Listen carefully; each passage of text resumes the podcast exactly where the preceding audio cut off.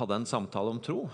Og så var igjen budskapet at eh, 13% av kristne amerikanere eh, ukentlig hadde en samtale enten med andre som tror, eller ikke-troende om tro.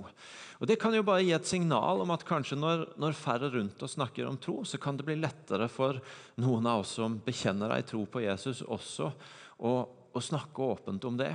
Og Derfor har vi hatt lyst til å bruke litt tid på å, eh, over de siste ukene å snakke om hvordan kan vi gjøre det på en naturlig måte. Og Vi har bl.a. snakka om det å eie sin egen troshistorie. Ha et eierforhold til hva er det Gud har gjort i mitt liv, som jeg kan fortelle videre om. Og Vi har snakka litt om at det kan se ganske forskjellig ut, og vi trenger ikke å kopiere noen vi overhodet ikke kjenner oss igjen i. Sist helg så var jeg i Finland. Vi hadde Agenda 1, en sånn samling for mange menigheter der. og da da når vi var ferdig med, med, opplegget og konferansen, så tok de finske vertene oss med i eh, saunaen. Det er jo, altså, Å få være på besøk i Finland uten å havne i sauna, det vet jeg ikke om er mulig. Det har i hvert fall ikke vært mulig de to gangene jeg har vært der og besøkt dem. Og denne gangen så, eh, så eh, fikk vi dårlig tid. Vi fikk bare en halvtime, så finske vert han helte på med bøtte etter bøtte med vann, så jeg velta ut av den saunaen ganske fort. for å si det sånn. Han, han utkonkurrerte en stakkar nordmann. Men da sa de det, da, at hvis du skulle få finner til å snakke om tro, så må du ta dem med i saunaen. Så hvis ingenting av det vi underviser i denne drøye måneden her funker, så er det siste rådet jeg har å gi fra våre finske venner, det er å få ha klærne på folk og skru opp temperaturen. Og se om de, se om de i hvert fall da er jeg villig til å snakke litt om et eller annet som har med tro å gjøre.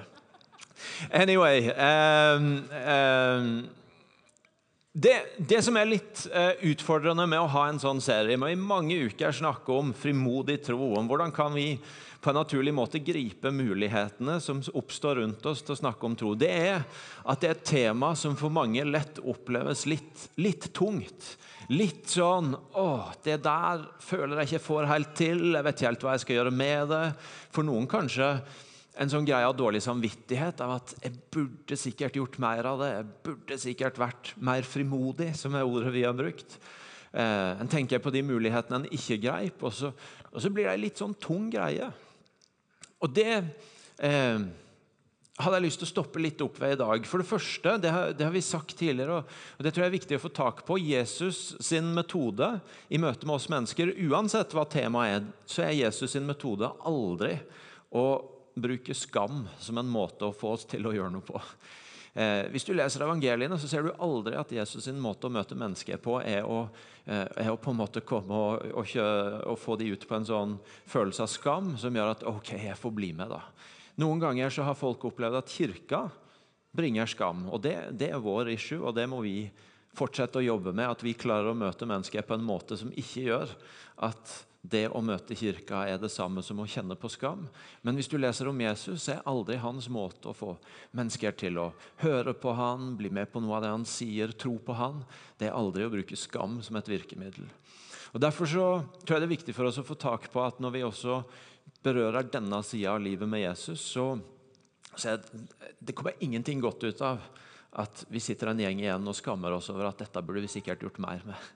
Jesus, Fokuset er ikke så mye det som ligger bak, som hvordan kan vi bruke, gripe mulighetene som ligger foran oss. Og Hvordan kan vi på en annen måte kjenne oss trygge på å eh, snakke fritt om det vi tror på i tida som ligger foran oss, mer enn å skamme oss for noe som måtte ligge bak. Men det andre er at Jesus sier jo om det å følge Han i Matteus 11, vers 28, nei, i vers 30, at 'mitt åk er godt, og min byrde er lett'. Han snakker riktignok ikke spesifikt der om det å dele tro, men han snakker om det å følge han, og han sier at 'min byrde er lett'. Og det, Da er det egentlig sånn at alltid når noe av det med å følge Jesus begynner å oppleves tungt, og begynner å kjennes som en litt sånn tung byrde å bære, så er det grunn til å spørre har jeg tatt på meg kanskje noe mer ansvar nå, eller tatt på meg et eller annet som ikke er mitt å bære? Og som gjør at dette føles tungt. Fordi Jesus sitt budskap er at 'min byrde er lett'. Det skal ikke være tungt å gå og følge med, men min byrde er lett. Og Han sier det i en kontekst hvor han sier 'kom til meg, alle dere som strever, og jeg skal gi dere hvile'. Og jeg tror at også hvis det er blitt sånn at det å snakke om tro fritt, enten en er sammen med andre som tror eller andre som ikke tror, hvis det kjennes litt sånn som en byrde, så er det grunn til å stoppe opp og spørre ja, men hvorfor gjør det det?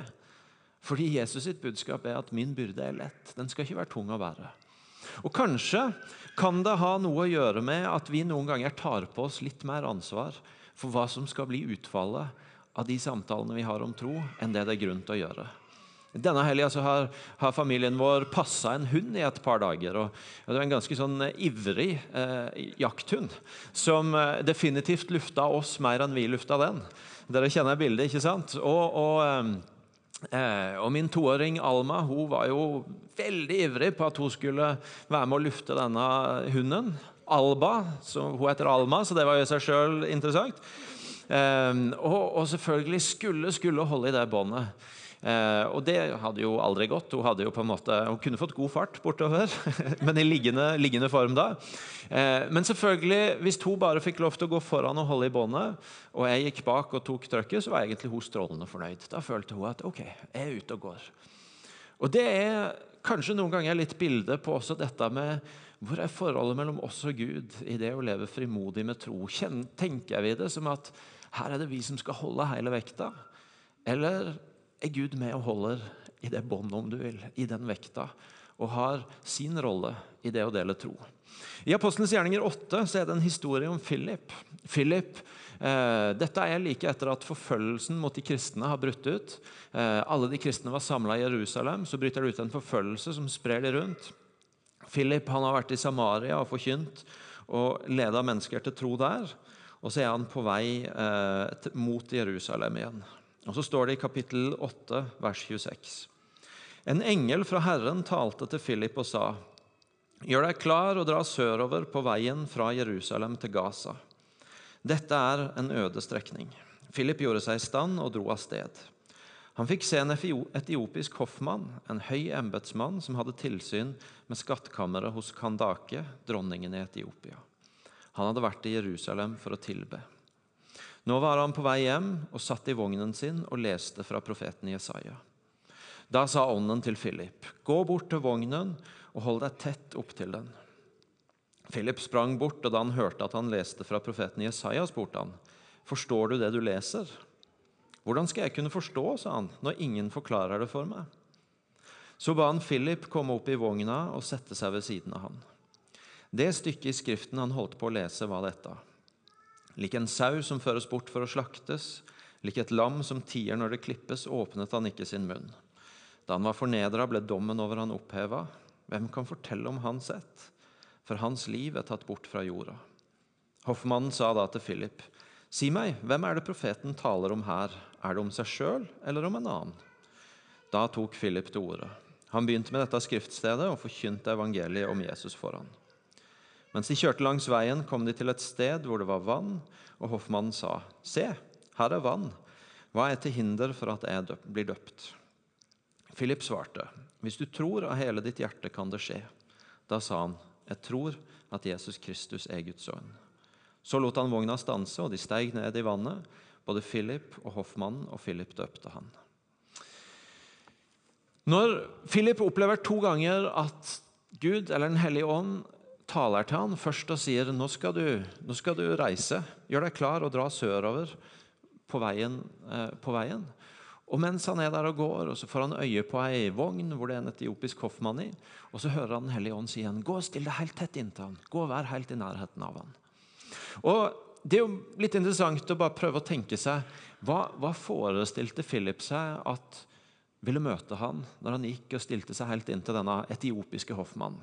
En som ikke er av jødisk bakgrunn, en som ikke, ikke på en måte har kommet uh, hoveddøra inn til å eventuelt ha et forhold til tro.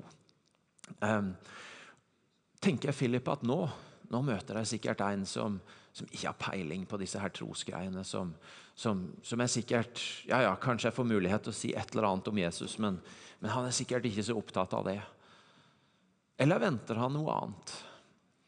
Det som i hvert fall møter Philip, er jo at når han går inn og stiller seg ved siden av vogna, så hører han oi, han leser jo i Bibelen. Han leser jo profeten Jesaja, han hører verset han leser. Og så blir det utgangspunktet for en samtale hvor Philip kan spørre skjønner, skjønner du noe av det du leser. Og han svarer nei, men åssen skal jeg skjønne det når ingen forklarer meg det? Og Så får de en samtale om tro som i dette tilfellet leder til at hoffmannen bekjenner ei tro på Jesus. og de, de, de, er raske på det, så de bare finner nærmeste elv, og, eh, og, og det blir dåp der. Jeg tror at noen ganger, jeg vet i hvert fall for, mitt, e, for min egen del, at en god del ganger så har jeg blitt avslørt sjøl på at jeg har tenkt sånn om det å snakke med andre om tro, at deres reise med Jesus eller deres tanker om tro, det, det, begynner i det øyeblikket jeg begynner å snakke med dem om det. Eller i det øyeblikket de kommer i kontakt med kirka vår eller et eller annet. Jeg, jeg har på et vis et bilde av at nå, nå, er det jeg som bærer hele jobben her for at de skal gå fra å ikke tenke om Jesus til å begynne å ha noen tanker om tro. Jeg vet jo hvis jeg stopper opp at det ikke er sånn, men den intuitive tanken er nå, nå, nå, nå må jeg få inn noe Jesus-greier her. Og så har jeg jo så mange ganger opplevd, egentlig stort sett alltid, at det er jo ikke sånn det er. De fleste mennesker som jeg kommer i snakk med tro om, de har jo allerede en reise med tro. De har jo noe som Gud på et eller annet vis har gjort eller holder på å gjøre i livet sitt, og som, og som blir et bakteppe for å også snakke om tro nå. For noen så er det minner som ligger ganske langt bak. Det kan være at det var ei bestemor som ba for dem. Det kan være at en vokste opp i et hjem hvor, eh, hvor, troa var en del av livet. Det kan være at en i ungdomstida var en del av noe som, som gjorde at en, en, har vært borti det. det. Men det kan også andre ganger være ganske ferskt og ganske levende. At en, en leiter litt, en søker litt, en, en har noen spørsmål. En, en, venter kanskje på en mulighet til å få stille noen spørsmål. Liv Eva var her oppe for et par uker siden og sa om folk som kommer på alfakurs, at mange av de sier å, endelig en arena hvor jeg kan snakke om disse trostinga. Det har jeg hatt lyst til lenge, men jeg har ikke helt visst hvor. Jeg husker den gangen jeg satt med han som jeg hadde ikke tenkt at han hadde noe med noe forhold til tro. og Det var ingenting i vårt forhold og vår relasjon så langt som hadde signalisert det. Og så sitter vi og snakker om et eller annet, og så plutselig forteller han ja, jeg husker den gangen jeg sovna bak rattet. og, og, og jeg holdt på å kjøre rett i fellveggen. og så og Så gikk øynene mine opp, og så så jeg rett i et skilt som der sto 'Jesus lever'. Og Så fikk jeg svingt av. Og jeg er ikke i tvil om at det var Jesus som redda meg. Og så, oi, ja, men Her var det plutselig en helt annen fortelling som pågikk. Enn om det bare var 'OK, kan du smette inn et eller annet om Jesus eller tro her?' Og så, og så kanskje vi kan få til noen tanker om det. Nei, du er jo allerede på ei reise med tro. Eller han som var innom her på en gudstjeneste eller på en konferanse en gang. og og jeg tenkte at nå, nå, nå, fikk han litt vel full dose. For vi hadde besøk av Leif Hetland, som av og til er her. og han Leif dro noen av sine drøyeste historier om ting han hadde vært med på i Pakistan og sett helbredelser, og mange blir frelst. og sånn. Jeg tenkte dette blir vel gjerne litt mye. Og så møtes vi etterpå, og så, og så, og så tror jeg han skjønner at det er litt sånn hva, hva tenkte du om dette? Hvordan gikk dette? Og så bare sier han ja, men jeg har ikke noe problem med å tro på dette. Jeg, jeg har jo lest Bibelen for meg sjøl i mange år og, og merka at Jesus var i rommet når jeg leste Bibelen. Så dette har jeg ikke noe problem med å tro på.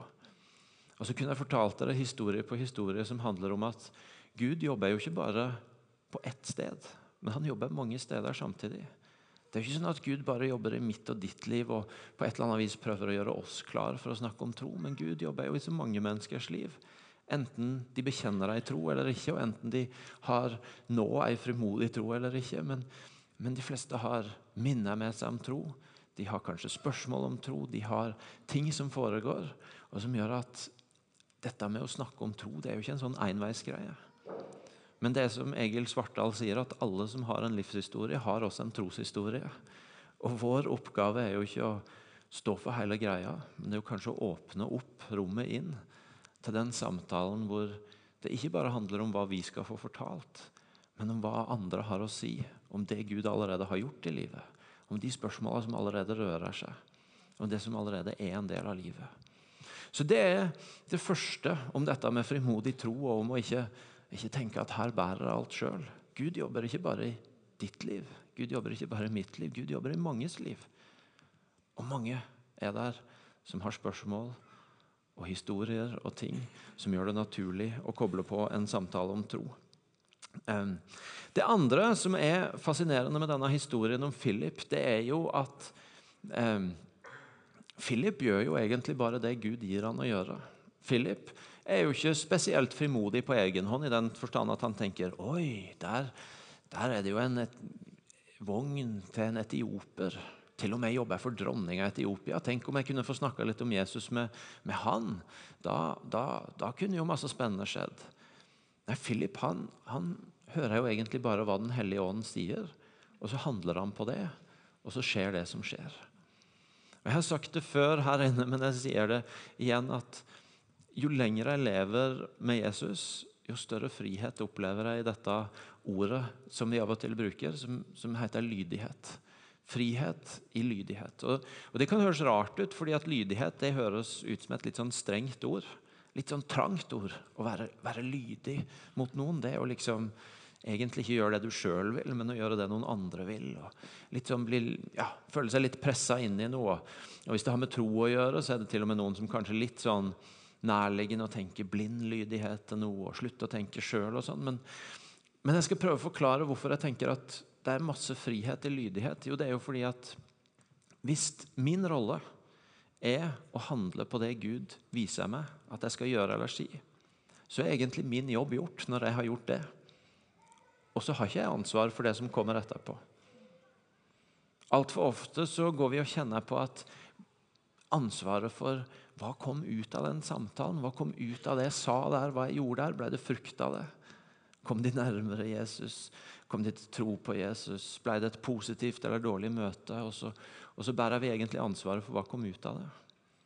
Men i Bibelen så ser vi igjen og igjen at det mange av de som Gud sender, gjør, det er at eh, de, de, handler på det Gud gir dem å gjøre, og så er det Gud som gjør resten.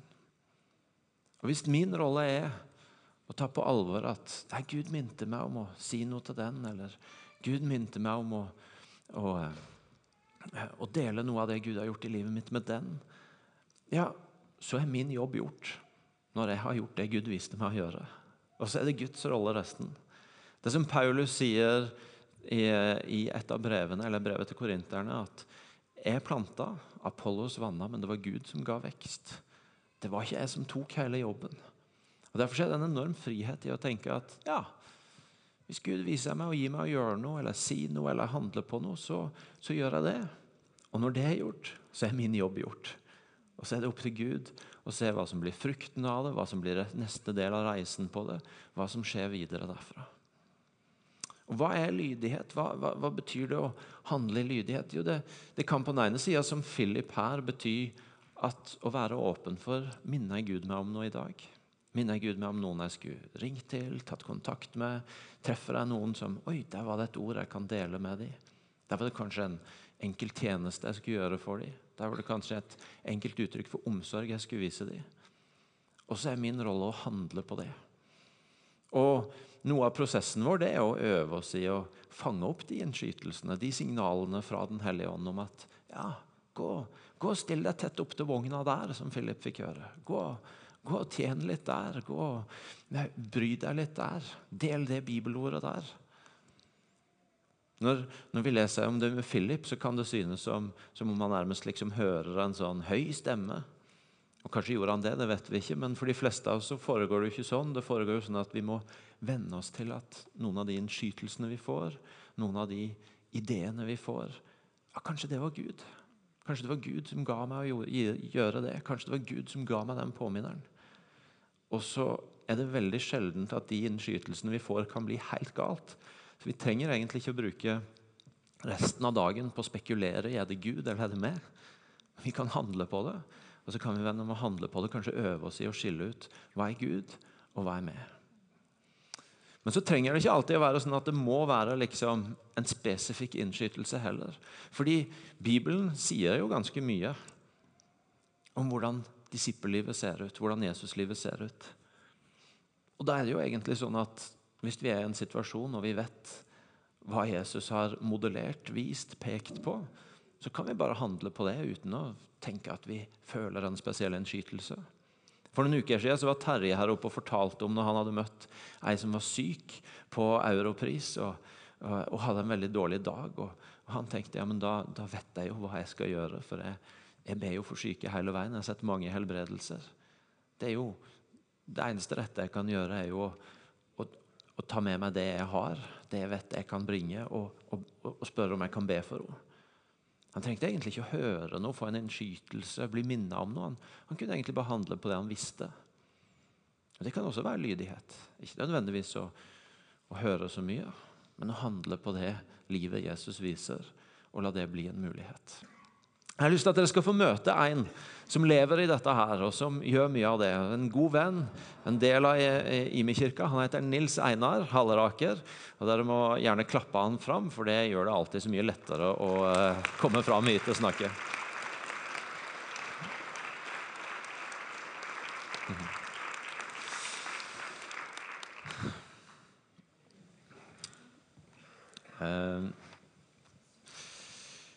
Kjekt å se deg, Nils Einar. Eh, Nils Einar er pilot, eh, jobber i SAS. Eh, er aktiv her i menigheten. Og jeg har hørt kona hans sitert på at han kommer aldri hjem uten å ha snakka med noen om Jesus. eh, så, så, du er en inspirasjon og en, en, som virkelig lever i dette med frimodig tro. Eh, har du en fersk historie om hvor du har fått dele noe av troa di med andre? Eh, ja, jeg må ta en litt sånn humoristisk òg, at vi kan krydre litt. Ehm, for en måneds tid siden så, så var vi ute og så fløy. Da fløy vi med en styrmann eh, som var fra Trøndelag-distriktet.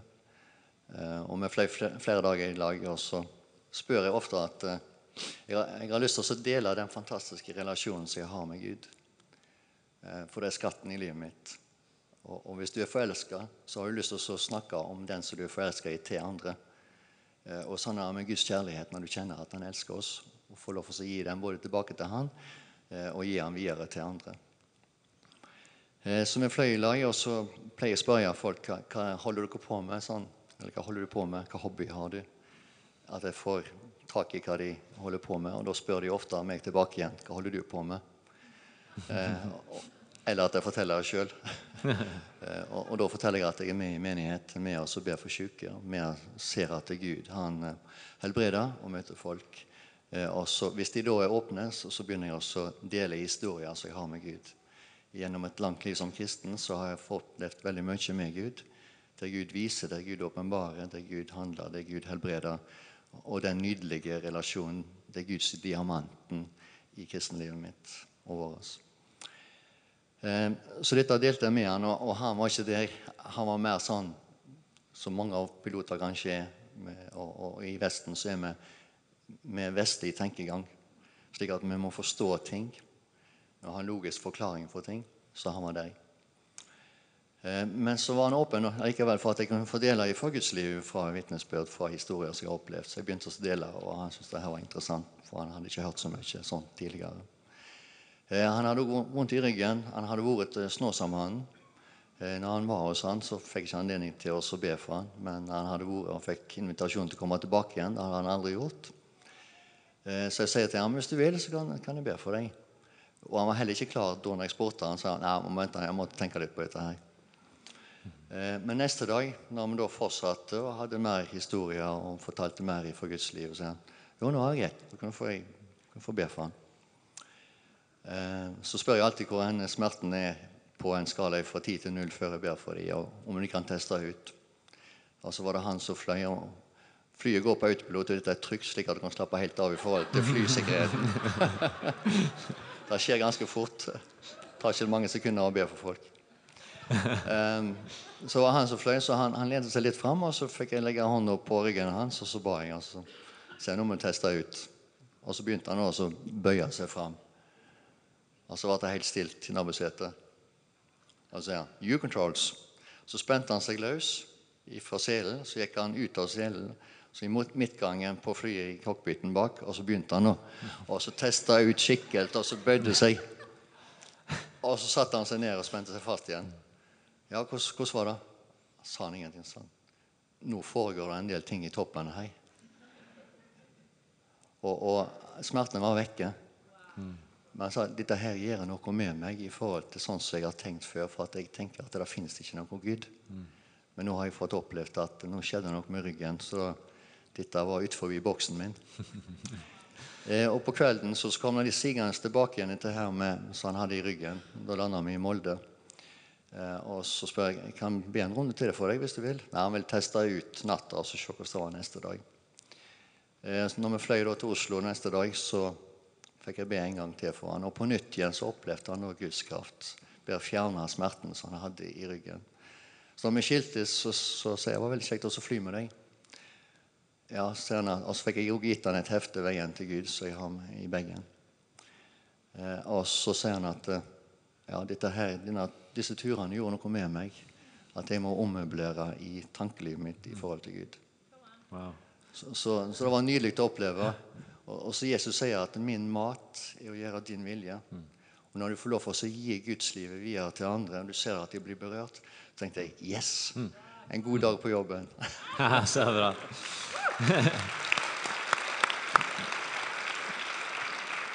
Og vi kan, eh, vi kan, være helt trygge på at vi ikke trenger å bli nervøse for det med piloter som er ute og strekker seg i midtgangen og sånn. Det går veldig bra. Det går veldig bra, ja det er bra. Du, eh, Vi snakker litt her om det med å ikke bære hele børa av det å dele troa med andre sjøl, men å ha på en måte at det springer ut av at Gud er med i det, Gud jobber i det. Si litt om hvordan det er for du. Eh, jeg får kjenne at Gud er min far. Eh, og så får jeg kjenne at eh, det er ingen begrensning hos Gud. Han har gitt oss samme relasjon som Jesus hadde med ham. Slik at det, er han som har gitt oss livet. Det er han som leder oss. Altså Det gamle livet mitt henger egentlig på korset. Slik at belastningen ligger ikke hos meg. Det er han som har kontoen i himmelen, så jeg får lov til å ta ut ifra pga. det som Jesus gjorde.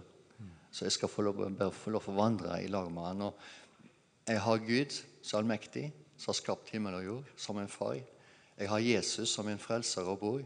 Jeg har Den hellige ånd, som er den som formidler Guds rike og Guds kraft. For et team til å få lov til å være i lag med. Altså, Vi kan ikke tape. Og Vi vet jo egentlig seieren har vunnet, er blitt vunnet. Slik at vi kan få lov til å leve et rikt liv, og belastningen ligger ikke hos meg. Det ligger hos Han som allerede har gjort det og gitt det. Det er utgangspunktet. Mm. Så bra. Og så vet jeg du sa en gang at for du alltid egentlig altså Litt sånn som kona di var sitert på at du kommer aldri hjem uten å ha snakka med noen om Jesus. Så føler jeg at jeg treffer deg aldri uten at du har en historie. Men så sa du òg en gang at mellom alle de historiene jeg forteller, så er det jo mange som sier nei. Og altså, Du har jo unektelig et fortrinn i at dere er låst inne i en cockpit 10 000 fot over, så det er vanskelig å komme seg unna. Men, men, eh, men eh, hvordan, eh, hvordan tenker du om å håndtere det at det er jo ikke alltid at folk har lyst til å snakke om tro? Nei, og, og da opplever vi jo varianter på. Så, så, du sier at jeg har jo en fordel at de sitter der, men, men jeg ønsker på ingen måte å overkjøre dem. At hvis de ikke er interessert i å snakke om tro, så, så klart jeg respekterer det. Eh, for å ta et eksempel, så fløy jeg med en eh, kapteinskollega. Eh, der vi kom inn på hobby og sånn hva vi holdt på med, og at jeg var kristen og gikk i menighet. og opplevde et rikt liv med Gud. Men, men, han var ikke interessert. Han sa at han var materialist. Han holdt på med biler som hobby. Og, og restaurerte gamle Volvoer, folkevogner og forskjellig, og hadde en stor garasje. Og Da syns jeg det er viktig at vi har samme holdningen som Jesus. at jeg tenker at du sier nei til noe som du ikke har peiling på. Du sier nei til det. Altså Den beste skatten som noensinne kan få, sier du nei til. Men grunnen er at du vet det ikke. Du ser det ikke. Kjenner ikke Gud. Men Jesus sa at når de avviste ham på korset, sa han tilgi, tilgi dem, for de vet ikke hva de gjør. Eh, og jeg tenker også at eh, Da er det viktig at vi har en relasjon at vi bygger relasjonen godt videre. Så, så, jeg er tidligere bilmekaniker. Han jobbet med biler. Da snakket vi om biler. Mm. og da, da, viste han, seg, viste han bildet som han hadde på iPaden sin av biler som han restaurerte. Og vi fikk en veldig gode samtale og gode dager som vi fløy i lag på. Slik at en kan bygge relasjonen videre. En kan vise medmenneskelighet og kjærlighet til dem, selv om ikke liksom de sier 'ja, fortell om Guden'. Så, så, og bare velsigne dem. Og så pleier jeg å be for dem etterpå Eh, sånn på avstand at det Gud. Må du møte dem, må du vise hvem du er, for du elsker dem, selv om de ikke vet det. Så, så jeg ber gi dem tilbake igjen til Gud, og elsker dem på den måten som Gud viser. Ehm, Du eh, sa i starten at du eh, er opptatt av å be for syke. Du delte én historie om det. Si litt mer om hvilken rolle dette med at Gud griper inn, enten det er helbredelse, profetiske ord, den overnaturlige sida, om du vil, av troa. Eh, hvordan rolle har det i, for du i det å leve frimodig med troa di? Det har en veldig stor del. Altså, det overnaturlige med Gud det er helt naturlig, egentlig. slik, slik at eh, når Gud er min far, og han, alt han gjør, er egentlig under og er overnaturlig, slik at det er ingen begrensning hos Gud. Eh, en møter mennesker og møter folk som har forskjellige situasjoner, har forskjellige utfordringer, både når det er sykdom og andre ting. Og da pleier jeg å spørre hvis du vil, skal vi be sammen om dette, eller at jeg kan be for dem senere. Eh, og, veldig mange gir god respons på det. Jeg har hatt mange samtaler i etterkant. og De har kommet tilbake igjen eh, og, og sagt at når vi ba, så skjedde et skifte. Altså kommer de tilbake med nye behov, og dette er ikke-kristne folk. Så de opplever faktisk at det skjer ting. Jeg har lyst til å dele den siste historien. er. Mhm. Eh, Vi har en venn av familie, en dame da, en venn av familie som bor i Nord-Norge, eh, som har hatt, blitt kjent med nå etter hvert. Eh, Som har hatt litt sykdom og opplevd at Gud har helbredet henne. Og så fikk jeg nå via far min greia på at nå hadde hun veldig vondt i mage og tarm eh, med smerte. Så tenkte jeg at jeg må, få ringt henne og spurt om jeg kan få be for henne på telefon. Det hadde vi gjort tidligere en gang. Og så var jeg hjemme i huset vårt som holder på som maler og pusser opp for tida. Eh, og dette var på tirsdag. Eh, og så sender jeg en melding på Messenger på Facebook. Og så forteller hun at hun var ikke hjemme hos seg i Lofoten. Hun var i Bodø hos sønnen og hadde vasket ned leiligheten. Og så hadde hun fått veldig vondt i ryggen. Eh, så hun sa at "Mm, det passer ikke nå at vi ringes, men vi kan snakkes på fredag for da være tilbake igjen. Så avtalte vi det. Og så etterpå så datt en tanke ned i meg at nei, helt til fredag, hun har jo vondt i dag. I dag er det tirsdag. Hvorfor skal vi vente så lenge? Så sier jeg til Gud, Gud, er du med på en stunt? Og så føler jeg bare en sånn, sånn følelse av at Gud smiler. Og så sier Hellige Ånd, er du klar? Og så opplever jeg at han, han står liksom sånn. og så sier jeg, ok, vi går for den ideen som kom. Så skriver jeg en melding på Messenger på at eh, jeg ber altså, Vi venter ikke helt til fredag, men ber at når du leser denne meldingen, at Jesus sin kraft skal bli forløst inn i magen din, i tarmene dine, i ryggen din, at smerten skal gå nå, og at Guds kraft skal bli forløst i Jesu navn nå. Test ut og kjenn etter etter du har lest meldingen. Og så ba jeg. Og jeg hadde en sånn forventning der etter jeg hadde sendt den. Og så så jeg rett etterpå da på Messenger at disse her prikkene begynte å bevege seg. At hun begynte å skrive. Og så kom det en melding. Dette her var rart. Nå skjer det noe uforståelig i kroppen min. Og så skriver jeg tilbake igjen. Ja, smertene, hvordan er det med deg? Nei, de er vekke.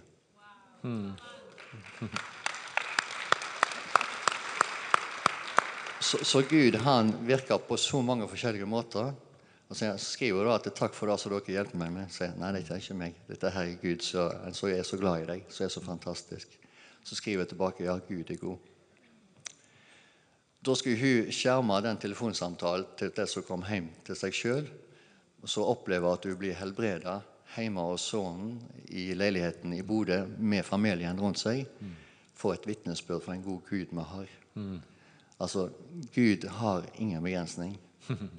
Så, og, og da er det så rikt. og Det vært en jubelrunde i stua der hjemme når jeg holdt på å male etterpå på Guds godhet. Fantastisk. Takk skal du ha, Nils Einar, for det du deler. Kan vi ikke gi han en applaus? Takk for at han deler.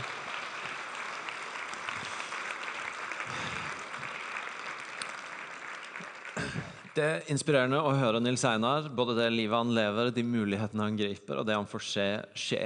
Og En del av det han deler om, det er jo det at Guds kraft og inngripen har en plass i det å leve frimodig med troa. Philip, som vi møtte langs veien, han kom fra Samaria. Og når han var i Samaria, så står det at alle som en fulgte oppmerksomt med når de hørte Philip tale og så de tegna han gjorde. For mange hadde urene ånder som for ut av dem med høye skrik, og mange lamme og halte ble helbreda. Det ble stor glede der i byen. Det er det siste jeg har bare lyst til å løfte fram når vi snakker om å la om å ikke bære hele byrden av dette her vi skal gå med sjøl, men å la Gud ta plass. Det er jo nettopp dette med at vi kan be og ha en tro for å se Gud gripe inn på ulike måter. Enten det er så konkret som Nils Einar delte nå, gjennom at mennesker blir helbreda, eller det andre situasjoner enn i, og oi, der skjedde det noe. Eller at vi kan komme med ord fra Gud som taler inn i menneskers liv.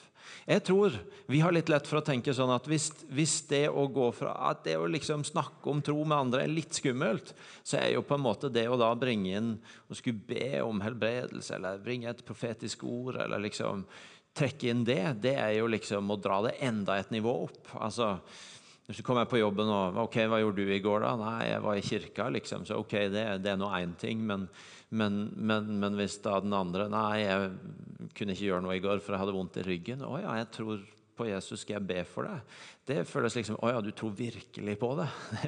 du liksom legger, legger lista veldig høyt.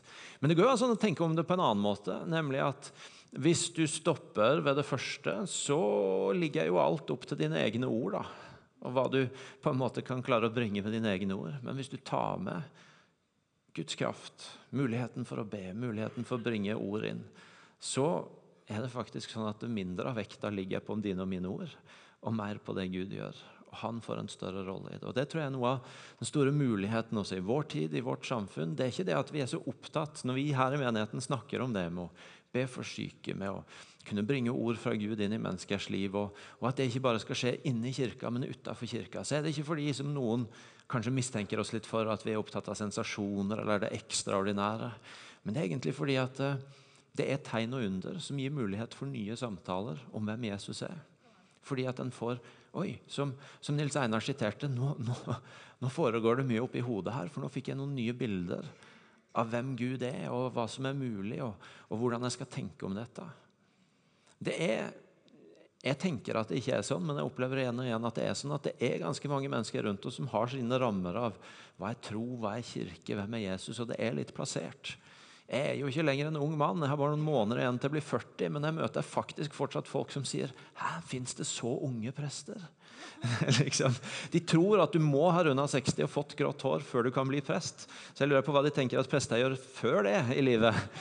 Og, og, hvis de i tillegg ser meg liksom gjøre floss med dattera mi, så er det bare det fullstendig utafor alle rammer av hva en prest kan gjøre. Men, men, poenget mitt er bare å si at det er ganske mange sånne bilder ute og går, selv om en egentlig tenker at mange av de fordommene er borte, så, så, er bildene der av hva kirke er, av hva tro er, av hva Jesus er, av den strenge guden, av, av, av, av på en måte strenge kristne miljøer osv. Og så er det å bringe inn Guds kraft, det at Gud kan gripe inn, det at han er levende, det at vi ikke bare snakker om en teori. Det tar noe av vekta bort fra våre ord, og det åpner opp for nye spørsmål, for nye tanker. Og derfor er det å bruke det inn i å leve i frimodig tro en fantastisk mulighet til å åpne opp nye samtaler om tro, sånn som Nils Einar får erfare. Så frimodig tro fortsetter den prosessen, og i dag så hadde jeg bare lyst til å løfte fram Har du plass til Gud i det, det regnestykket? Bærer du hele vekta sjøl? Tenker du at alt kommer på dine ord? Eller har du dette bildet av at Gud jobber så mange steder? Og du kan få lov til å tenke at din rolle er å handle på det han gir deg, og vise. Ikke ta ansvar for alt som skjer etter det. Og du kan få bringe inn det faktum at han er levende, og han har en kraft med seg som kan bety en forskjell i menneskers liv og skape nye samtaler og spørsmål. Skal vi reise oss opp og be sammen?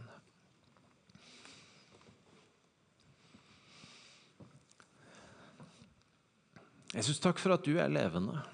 Og takk for at du jobber på så mange steder og i så mange menneskers liv. På så mange forskjellige måter. Og hjelp oss til å ikke tenke at, at det, å, det, å, snakke om du, det å la du være en del av samtalen og livet til flere mennesker enn en vi som går i kirka, at, at det ikke er en bør vi skal bære sjøl, men at vi skal få bli en del av det du gjør i mange menneskers liv. Jeg ber Det Hellige Ånd om å komme akkurat nå og vise den enkelte av oss hvordan det åpner nye muligheter for oss. til å være på jakt etter hva du gjør i andre menneskers liv. Til å åpne opp for andre typer samtaler som ikke handler om hva vi skal undervise, men hva du allerede gjør, og hvordan vi kan bli en del av det. Og til å gi rom for din kraft blant mennesker vi kjenner.